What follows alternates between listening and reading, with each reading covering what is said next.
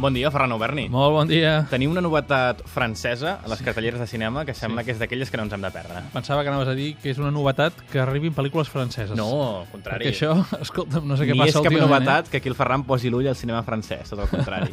No, a veure, quan arriben bones pel·lícules, evidentment, siguin franceses, siguin italianes, siguin alemanyes, costa, eh, que arribin aquestes últimes. Italianes, alemanyes, quant temps fa que no arriba una pel·lícula d'aquesta nacionalitat Quina és l'última alemanya que va arribar? Em sembla que era aquella pel·lícula del Tom Tickberg que es deia Three o Tre, o bueno, Doncs depèn de l'idioma que utilitzis. per no? investigar-ho, Tres. sí, sí. Bé, en qualsevol cas, la d'avui és Les neus del Kilimanjaro, l'última pel·lícula de Robert Guédiguian, un home que ja fa molts anys jo em vaig anotar a la meva llibreteta quan vaig veure una pel·lícula que es deia Marius i Janet, una història d'amor preciosa, i ara, al cap del temps, en la seva mateixa línia de cinema eh, quotidià, pròxim, autèntic, amb, sempre treballant amb els mateixos actors, la seva dona, Ariana Escarit, aquí també en aquesta pel·lícula protagonista d'aquesta història.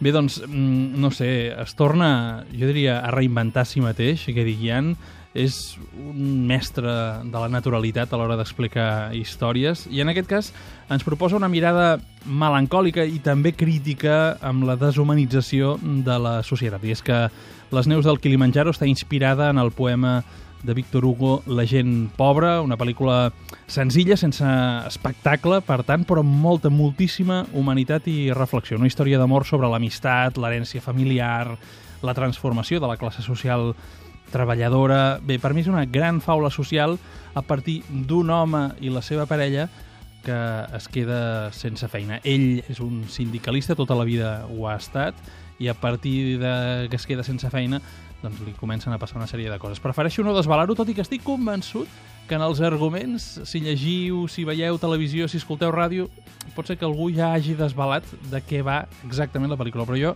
crec que ho hem de mantenir una mica en l'anonimat. Es va estrenar divendres i per mi és un dels títols interessants d'aquest mes, sens dubte. Eh? Jo la col·loco molt, molt, molt amunt del meu rànquing. Doncs ens l'apuntem per unes, una de les pel·lis que han de veure aquests dies. Gràcies, Ferran. Vinga, adéu-siau.